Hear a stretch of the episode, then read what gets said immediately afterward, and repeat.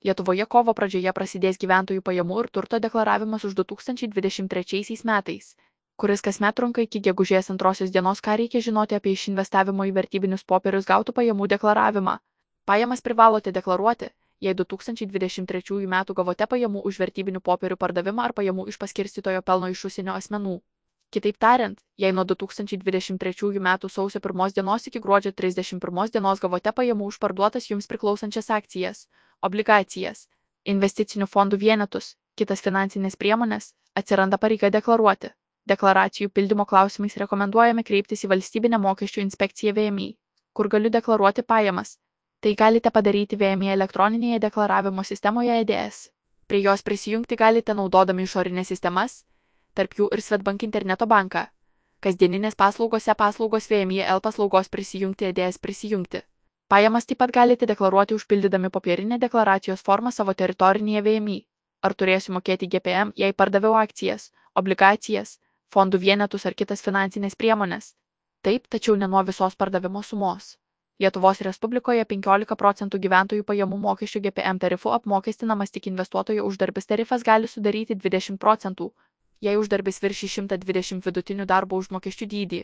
Be to, Lietuvoje galioja 500 eurų dydžio pajamų, gautų iš vertybinių popierių perleidimo, neapmokestinama suma. Pavyzdžiui, jei 2023 metais už 3000 eurų pardavėte finansinės priemonės, kurias anksčiau įsigijote už 2000 eurų, jūsų uždarbis yra 1000 eurų. Pritaikius 500 neapmokestinamą sumą, jums GPM reikės mokėti tik nuo 500 eurų. Jeigu parduodate santokoje įsigytas finansinės priemonės, laikoma, kad abu sutoktiniai pajamas gavo lygiomis dalimis. Tai yra teisė taikyti pajamų mokesčio lengvatą turi abu sutoktiniai. Kiekvieną savo apmokestinamųjų pajamų sumą gali sumažinti pritaikant 500 eurų neapmokestinamą sumą. Ar apmokestinamos už vyriausybės taupimo lakštus, obligacijas, indėlius gautos palūkanos. Už vyriausybės taupimo lakštus, obligacijas ar indėlius gautos palūkanos per metus neviršijančias 500 eurų yra neapmokestinamos. Palūkanų suma, viršijanti 500 eurų per metus, pagal gyventojų pajamų mokesčių įstatymą apmokestinama 15 procentų tarifu. Ar apie uždarbį iš investavimo ir taupimo veiklos turiu informuoti VMI? Taip, tačiau Lietuvoje tai už jūs padaro finansų institucijos. Jei investuojate su Svetbank ir pardavėte akcijas, obligacijas ar investicinių fondų vienetus, informaciją apie šiuos sandorius VMI perduos bankas.